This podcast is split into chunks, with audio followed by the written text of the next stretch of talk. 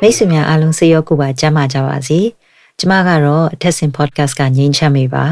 မိတ်ဆွေတို့အားလုံးစေရောကိုပါနွမ်းနေနေကြတဲ့အချိန်မှာကျမရဲ့ podcast ကိုနားထောင်ပြီးငါပြောချင်တာနဲ့ကြိုက်တာလေးတကွက်တော့တွေ့ရဟဲ့ဆိုရင်ပဲကျမကျင်းနဲ့ဝမ်းသာရပါတယ် ဒီပိုင်းကိုမိတ်ဆွေတို့နားထောင်တဲ့အချိန်က16ရက်တာလှုပ်ရှားမှုနဲ့အချိန်ကိုက်ဖြစ်နေပါလိမ့်မယ်။ဒါကတော့တိုက်ဆိုင်မှုမဟုတ်ပါဘူး။တမင်တကာကျမတို့ဒီ16ရက်တာလှုပ်ရှားမှုနဲ့အချိန်ကိုက်ပြီးတော့ဒီအပိုင်းကိုတင်ဖြစ်ပါတယ်။အဲ့တော့ပထမအဦးဆုံးအနေနဲ့16ရက်တာလှုပ်ရှားမှုဆိုတာဘာလဲပေါ့နော်။16ရက်တာလှုပ်ရှားမှုဆိုတာကတော့ဂျန်ဒါအခြေပြုအကြမ်းဖက်မှုတွေကိုစန့်ကျင်တဲ့အနေနဲ့ လှုပ်ရှားမှုကမ်ပိန်းပြုလုပ်တာဖြစ်ပါတယ်။ဒါကတော့နှစ်စဉ်နိုဝင်ဘာလ25ရက်နေ့မှာစတင်ပြီးဒီဇင်ဘာလ10ရက်နေ့မှာအဆုံးသတ်ပါတယ်။ဒီ16ရက်တာလှုပ်ရှားမှုရဲ့တမိုင်းကြောင်းတွေကိုလည်းကျမတို့လူမှုကွန်ရက်တွေပေါ်မှာဖတ်ရှုနိုင်နေပြီဖြစ်တဲ့အတွက်ကြောင့်ကျမဒီနေရာမှာအခြေတဝင့်မပြောတော့ပါဘူး။အဲနိုဝင်ဘာလ25ရက်နေ့ဟာဆိုရင်မြို့သမီးများအပေါ်အကြမ်းဖက်မှုပပျောက်ရေးနေ့ဖြစ်ပြီးတော့ဒီဇင်ဘာလ10ရက်နေ့ကတော့နိုင်ငံတကာလူ့အခွင့်အရေးနေ့ဖြစ်ပါတယ်။ကျမတို့ ဒီအပိုင်းမှာပေါ့လေအမျိုးသမီးနဲ့အမျိုးသားဆိုပြီးတော့ကျွန်မ binary ဖြစ်တဲ့အသုံးနှုန်းတွေကိုသုံးသွားမှာဖြစ်ပါတယ်ဒီလိုအသုံးပြုရခြင်းအကြောင်းရင်းကတော့ကျွန်မဒီ non binary ဘာသာစကားအသုံးအနှုန်းကိုကျွန်မအသုံးမပြုခြင်းလို့မဟုတ်ဘဲနဲ့ဒီအပိုင်းမှာကအမျိုးသမီးတွေပေါ်အကြမ်းဖက်မှုနဲ့ပတ်သက်ပြီးတော့အလေးထားပြောသွားမှာဖြစ်တဲ့အတွက်ကြောင့်မလို့ဒီကိစ္စတွေကိုပြောတဲ့အခါမှာကျူးလွန်သူဟာဘသူဖြစ်တယ်ကျူးလွန်ခံရသူဟာဘသူဖြစ်တယ်ဆိုတဲ့အကြောင်းအရာတွေကိုကျမတို့ပြောကြမှာဖြစ်တဲ့အတွက်ကြောင့်အမျိုးသမီးအမျိုးသားဆွဲ binary သုံးနှုန်းတွေကိုကျမသုံးရမှာဖြစ်ပါတယ်အဲ့တော့ကျမတို့ပထမဦးဆုံး အဲ statistics တွေကိုပြန်ကြည့်မယ်ပေါ့လေစီးရင်စရာတွေကိုပြန်ကြည့်တဲ့အခါမှာ2022ခုနှစ်တခုထဲမှာကဘာတဝမ်းလုံးအမျိုးသမီးနဲ့မိန်းကလေးလူဦးရေ48,800ကသူတို့ရဲ့အိမ်တောင်ဘက်ဒါမှမဟုတ်တခြားမိသားစုဝင်တွေရဲ့တပ်ဖြတ်ခြင်းကိုခံခဲ့ရတယ်။ဗျာမြအားဖြင့်ဆိုရင်တရက်မှာ133ဦးထပ်ပို့ပြီးတော့တပ်ဖြတ်ခံရတဲ့သဘောပါ။ ဒီကိန်းကနန်းတွေကိုကြည့်မယ်ဆိုလို့ရှိရင်ကျမတို့ကဘာကြီးကဘလောက်အထိဒီအမျိုးသမီးတွေနဲ့ main ကလေးတွေအတွက်ဘလောက်အထိအန္တရာယ်များတဲ့ကဘာကြီးလေးဆိုတော့တွေ့မြင်သိနိုင်ပါတယ်အဲ့တော့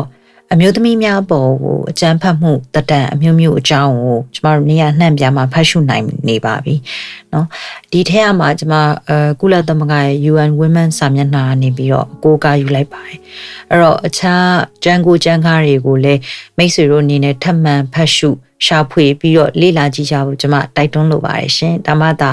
ကိုမသိလိုက်ဖက်နဲ့မရည်ရွယ်ပဲနဲ့ကိုကိုယ်တိုင်အကြမ်းဖက်မှုကျူးလွန်နေမိတဲ့သူဘဝ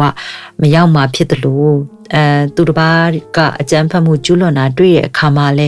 ဒါကအကြမ်းဖက်မှုမြောက်တယ်ဆိုတာကိုသိနိုင်ဖို့နဲ့ကာကွယ်နိုင်ဖို့ဖြစ်ပါတယ်အဲ့တော့သိပြီးရဲ့နောက်မှာတော့မျိုးသမီးတွေပေါ်အကြမ်းဖက်မှုဆိုတာဘာလဲဒါတွေကိုဘလို့တားဆီးနိုင်မလဲဘလို့ကာကွယ်နိုင်မလဲဆိုတာကိုစတင်တွေးတောနိုင်ကြမယ့်အခြေအနေကိုရောက်လာမှာဖြစ်ပါတယ်ရှင်အဲ့တော့ဒီခုနကပြောတဲ့မျိုးသမီးများပေါ်ကြမ်းဖက်မှုပုံသဏ္ဍာန်အမျိုးမျိုးပေါ့နော်အဲ့ထဲကနေပြီးတော့တချို့အရာတွေကိုထုတ်နှုတ်ပြီးတော့ကျမတို့ဒီမြမ လူအဖွဲ့အစည်းတွေကအကြောင်းအရာတွေနဲ့ပြန်ပြီးတော့စဉ်းစားကြည့်ကြတာပေါ့ကျမဒီနေရာမှာအများကြီးအမ် ကျမတည်ထားတာတွေကြုံတာတွေကိုယ်တိုင်တွေ့ကြုံတာတွေရောကျမရဲ့မိတ်ဆွေတငယ်ချင်းတွေကြုံရတာတွေရောအကုန်လုံးဒီနေရာမှာထည့်ပြီးပြောဖို့တော့မဟုတ်ဘူးသို့တော့ဒီကနေပြီးတော့ဒီ podcast အပိုင်းလေးကနေပြီးတော့နားထောင်နေတဲ့မိတ်ဆွေတို့အနေနဲ့ပြန်တွေးကြည့်ပြီးအခါမှာကျမတို့ပြောသလိုပေါ့လေအာနားထောင်မှာတွေးတော့ပါပြီးတော့ကျမတို့အုံနောက်ထဲမှာမုံတိုင်းနေဆင်ကြည့်ပါပေါ့အမ် ကျမတို့တခြား podcast ကမိတ်ဆွေရဲ့စကားကိုယူပြောရရင်တော့ညံတပုံထကြည့်ပါပေါ့လေအဲ့တော့ဒီလိုထကြည့်ရင်ကပဲကျမတို့ဟာအမျိုးသမီးတွေအပေါ်ကိုအကြမ်းဖက်မှုကင်းစင်တဲ့လူအဖွဲ့အစည်းတရက်ကိုတည်ထောင်နိုင်ဖို့ကျမတို့အစကနဦးခြေလန်းနေစတင်နိုင်မှာဖြစ်ပါတယ်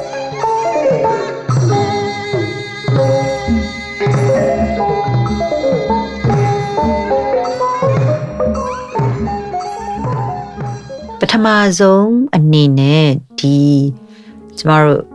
UN Women ကနေပြီးတော့ထုတ်ပြန်ထားတဲ့အထဲမှာပေါ့လေ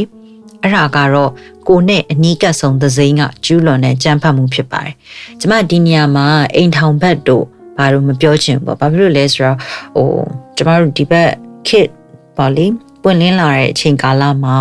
ဟ ဟိုအတူတူလက်မထပ်ရသေးပဲနဲ့အတူတူနေကြတဲ့ဇုံတွဲတွေလည်းရှိကြမယ်လက်ထပ်ပြီးတော့အတူတူရှိနေကြတဲ့ဇနီးမောင်နှံတွေလည်းရှိကြမယ်ပေါ့အဲ့တော့ကျမဒီလူမှုအတိုင်းဝိုင်းတွေကအဲအခေါ်ဝသမုတ်တာတွေကိုဒီနေရာမှာကျမသိပ်ပြီးတော့မသုံးချင်ဘူးပေါ့ဒါကြောင့်မလို့ကျမကိုနဲ့အနီးကဆုံးသစိမ်းကကျူးလွန်တဲ့အကြမ်းဖက်မှုလို့ပဲသုံးမရစေအမ်အဲ့မှာခနာကိုယ်ပိုင်းဆိုင်ရာလိမ်ပိုင်းဆိုင်ရာစိတ်ပိုင်းဆိုင်ရာညှင်းပန်းနှိပ်စက်မှုเนาะနောက်အကြမ်းဖက်မှုနောက် ထိန်းချုပ်မှုစတာတွေပါဝင်တယ်ပေါ့အဲ့တော့ကျမတို့လူဖွဲ့စည်းရမှာဆိုရင်ကျမတို့မြန်မာလူဖွဲ့စည်းမှာဒီကိစ္စက relationship နဲ့အိမ်တောင်တွင်းပြဿနာလို့ဆိုပြီးတော့အပြောများဆုံး case တွေထဲမှာတစ်ခုပါတယ်အဲ့တော့ဒီဟာကဟိုမြင်သာထင်သာတဲ့အိမ်တွင်းအကြံဖတ်မှုပုံစံတစ်မျိုးဆိုလည်းဟုတ်တယ်ပေါ့အဲ့တော့ဒီမြင်သာထင်သာတဲ့အိမ်တွင်းကြံဖတ်မှုဆိုလို့ယောက်ျားကရက်တော့လာမယ်မိန်းမကိုရိုက်မယ်နှက်မယ် ဟိုဒါကိုပဲကျမတို့မြင်သာထင်သာရပြောလို့မရဘူးပေါ့ဟိုအဲ့ကျန်းဖတ်မှုကဘယ်ထိရောက်လဲဆိုလို့ရှိရင်အမ်ချင်းချောက်တဲ့ဟိုစိတ်ပိုင်းဆိုင်ရာချင်းချောက်တာတွေထိပါပါတယ်ဥမာနင့်ကိုထားပစ်ခဲ့မယ် နင်တယောက်တည်းရက်တည်နိုင်မယ်ထင်သလားနင့်ကိုနေပါထင်ဒီလိုမျိုးဒီစိတ်ပိုင်းဆိုင်ရာအလွဲသုံးစားလုပ်မှုပေါ့လေ abuse လုပ်မှုတွေအာစိတ်ပိုင်းဆိုင်ရာမလုံမချုံခံစားစေမှုတွေနောက်ငွေကြေးကိစ္စထိန်းချုပ်မှုတွေနောက်တစ်ခါအလုတ်အကင်လောက်တာကိုပြင်ပမှာထွက်အလုတ်ကင်လောက်တာဟန်တာမှုတွေစတာအထိပါဝင်ပါတယ်အဲ့တော့ဒီဥပမာဥပမေယတွေကိုကျမတို့ချိန်ထိုးလေ့လာကြည့်ရင်ကျမတို့မြန်မာလူအဖွဲ့အစည်းတွေကအိမ်ထောင်နဲ့ဒီ relationship ပေါ့လေ အဲ့ဒီအထဲမှာဘလောက်အထိအကျန်းဖတ်မှုကကြီးစိုးနေသလဲဆိုတာကိုမြင်နိုင်တယ်ဒီဖိုဝါဒကြီးစိုးတဲ့အကျန်းဖတ်မှုပေါ့လေကျမတို့အကျန်းဖတ်မှုပဲသုံးမရစီအကျန်းဖတ်မှုဆိုတဲ့အခါမှာတုံးနဲ့ရိုက်ချောင်းနဲ့ကန်အဲ့ဒီဒီခန္ဓာကိုယ်ပဲနာကျင်စေတာမဟုတ်ဘဲနဲ့နောက်ပြီးတော့စိတ်ပိုင်းဆိုင်ရာနာကျင်စေတာကိုပါကျမတို့အကျန်းဖတ်မှုဖြစ်ထည့်တွက်ထားအောင်ဆိုတော့ကျမတို့အမေတွေခစ်တုံးအားဆိုရင် တကုံမရှိတဲ့ဖယားမတင့်တယ်တို့အဲလက်မရှိတဲ့မယားမတင့်တယ်ဘူးလို့စသဖြင့်ပေါ့မျိုးသမီးတွေကိုကိုချောက်ပေါ်ကိုမရက်တီရဲအောင်လူအဖွဲ့အစည်းတစ်ခုလုံးကအထီးအမအကုန်လုံးကသင်းဝိုင်းတက်ပြကြတာနော်အဲအဲ့ဒီမှာအမတွေပါပါတယ်ဟိုအမျိုးသားတွေမဟုတ်ဘူးဆိုတော့အဲ့ဒီမှာမှရဲရင်နဲ့ကိုဘတာကိုရက်တီရဲ့အမျိုးသမီးတွေကိုကြားပြန်တော့တိုးတိုးတစ်မျိုးကြဲကြဲတစ်မျိုးအာဝေဖန်တိုက်ခိုက်ပြန်ကြပြန်ရော ဆိုတော့အဲ့မှာချီကျူးတန်နေရောမရှိဘူးလားလို့မေးကြရှိတယ်အခတရားမှာတစ်ခါလောက်သာကြားဘူးလိမ့်မယ်အဲချီကျူးရဲ့ခါကြဘလို့ချီကျူးရမှာတော့ဟဲ့ तू ကမိန်းမပဲမလုံနိုင်တဲ့ဟဲ့တဲ့ဖះဖះဒုက္ခဟိုကျမတို့မှာကျမတို့လူအဖွဲ့အစည်းမှာပျောက်ဆုံးသွားခဲ့တဲ့အရာတစ်ခုอ่ะလူဖြစ်ချင်းပေါ်မှာအခြေခံပြီးတော့တွေးတဲ့ အရာပျောက်ဆုံးသွားတာပေါ့ကျမတို့ကလူဖြစ်တဲ့အတွက်ကြောင့်ကျမတို့ရဲ့ survival ပေါ့ကိုယ့်ရဲ့အသက်ရှင်မှုကိုတာဝန်ယူပြီးမမမမကိုချောက်ပေါ်ကိုရက်တည်နိုင်တဲ့အစွမ်းဟာကျမတို့ရဲ့လူဖြစ်မှုဒီ instinct မှာပါလာပြီးသားအဲ့တော့အဲ့ဒီ instinct ကိုသုံးပြီးတော့ကိုကိုကို survive လုပ်နိုင်တဲ့အမျိုးသမီးကိုမိမပဲမဲ့လုံနိုင်တယ်ဆိုတွေးကြည့်နော်ကိုကတော့ကိုပဲအဲ့တော့ဆိုတော့အိမ်တွင်းချမ်းဖတ်မှုနဲ့ပတ်သက်ပြီးတော့ငင်းချက်ထုတ်လို့ရတာ ဒါမျိုးလောက်တာအမျိုးသမီးတွေလည်းပဲပါရပေါ့တနခါတော့နဲ့ထုတာတို့တခါအမျိုးသားတွေကိုလည်းဒီစိတ်ပိုင်းဆိုင်ရာ abuse လုပ်တာတို့ဒါပေမဲ့အမ်ကျမဘာဖြစ်လို့ဒီပိုင်းမှာအမျိုးသမီးတွေဘက်ကိုပဲအမျိုးသမီးတွေအကြောင်းပဲပြောရတယ်လဲဆိုရင်ကျမကြုံဘူးသမျှစကားပြောဘူးသမျှပေါ့လေအကြောင်းအရာတွေထဲမှာအမျိုးသမီးကျူးလွန်သူဆိုတာအင်မတန်နှဲပါပြီးတော့အမျိုးသားတွေဘက်ကကျူးလွန်တာအများဆုံးဖြစ်နေလို့ပါနော်အဲ့တော့ နောက်ထပ်ဒီအမျိုးသမီးတွေပေါ့ဟိုကျူးလွန်တဲ့အကြမ်းဖက်မှုကတော့လိမ်မိုင်းဆိုင်ရာအကြမ်းဖက်မှုဖြစ်ပါတယ်ဒါမြမလူအဖွဲ့အစည်းရဲ့မှာအကြမ်းတမ်းဆုံးဝါဒဖြတ်မှုတွေကတခုနော်အဲ့ဒီထဲမှာပါလဲဆိုတော့အဆက်ကိုအသက်နဲ့လဲပြီးကာကွယ်တာဆိုတဲ့ကိစ္စဘယ်တော့ကျွန်မ Facebook ပေါ်မှာစာတိုလေးတစ်စောင်တွေ့လိုက်တယ်အမ်အကြောင်းအရာကတော့ဗျာလူမှုကွန်ရက်ပေါ်ကလူတယောက်ကသူ့ကိုသူ့တပ်ပုံတွေဖြတ်ဖြန့်ပစ်ပြီးတော့ မိဘအတိုင်းဝိုင်းကိုပါတိတ်ခါချပစ်မယ်လို့ပြောလို့မိဘအတိုင်းဝိုင်းနေနဲ့သူ့ကြောင့်တိတ်ခါကြမှာဆိုလို့တက်တည်သွားရပါတယ်ဆိုရယ်စာတူလေးဆိုတော့ဒီလိုအဖြစ်ပြက်တွေအများကြီးเนาะပြောမကုန်ရှိရဒါ Facebook ပေါ်မှာတက်လာတဲ့ကိစ္စလေးတခုပဲရှိဆိုတော့မိဘအတိုင်းဝိုင်းတည်သွားပြန်ရင်လေညီစာငါတို့ကရှက်လိုက်တာငါတို့အဖြစ်ရက်ထဲမှာမျက်နှာမဖော်ရဲတော့ဘူးဆိုပြီးတော့သမီးမိန်းကလေးနှမကိုဝင်းရံရမယ်အစား ရင်းနဲ့သူဝါကူထိုးကြတွေးကြည့်နော်ငငယ်ရွယ်ရွယ်အမျိုးသမီးတယောက်ပဲဖြစ်ဖြစ်တက်ကြီးတဲ့အမျိုးသမီးတယောက်ပဲဖြစ်ဖြစ်ပြင်ပကလိမ်ပိုင်းဆိုင်ရာကြမ်းဖက်မှုလည်းခံရသေးတယ်မိသားစုအတိုင်းဝိုင်းထဲမှာလည်းထပ်ပြီးတော့စိတ်ပိုင်းဆိုင်ရာကြမ်းဖက်မှုလည်းခံရသေးရဆိုတော့ဆိုမိသားစုဆိုရယ်မိကာမတ္တလူအစုစီကဘာအတွက်ကြောင့်ရှိနေသေးတယ်လို့ကျမတို့မိကွန်းပြန်ထုတ်ရတယ်ဆိုတော့ကဒီလိုအဖြစ်ပြက်မျိုးတွေကိုကျမတို့ဘယ်လိုဟန်တားနိုင်မလဲ ဘယ်လိုကာကွယ်နိုင်မလဲလို့ကျမတို့မေးလာရင်အတိကအရေးအကြီးဆုံး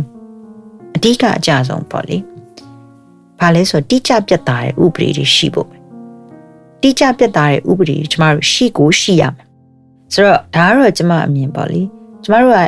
လူမှုတော်လှန်ရေးတရက်ကိုလည်းသွားရမယ်။ဒါကလည်းအင်မတန်ရေးကြီးရဒါ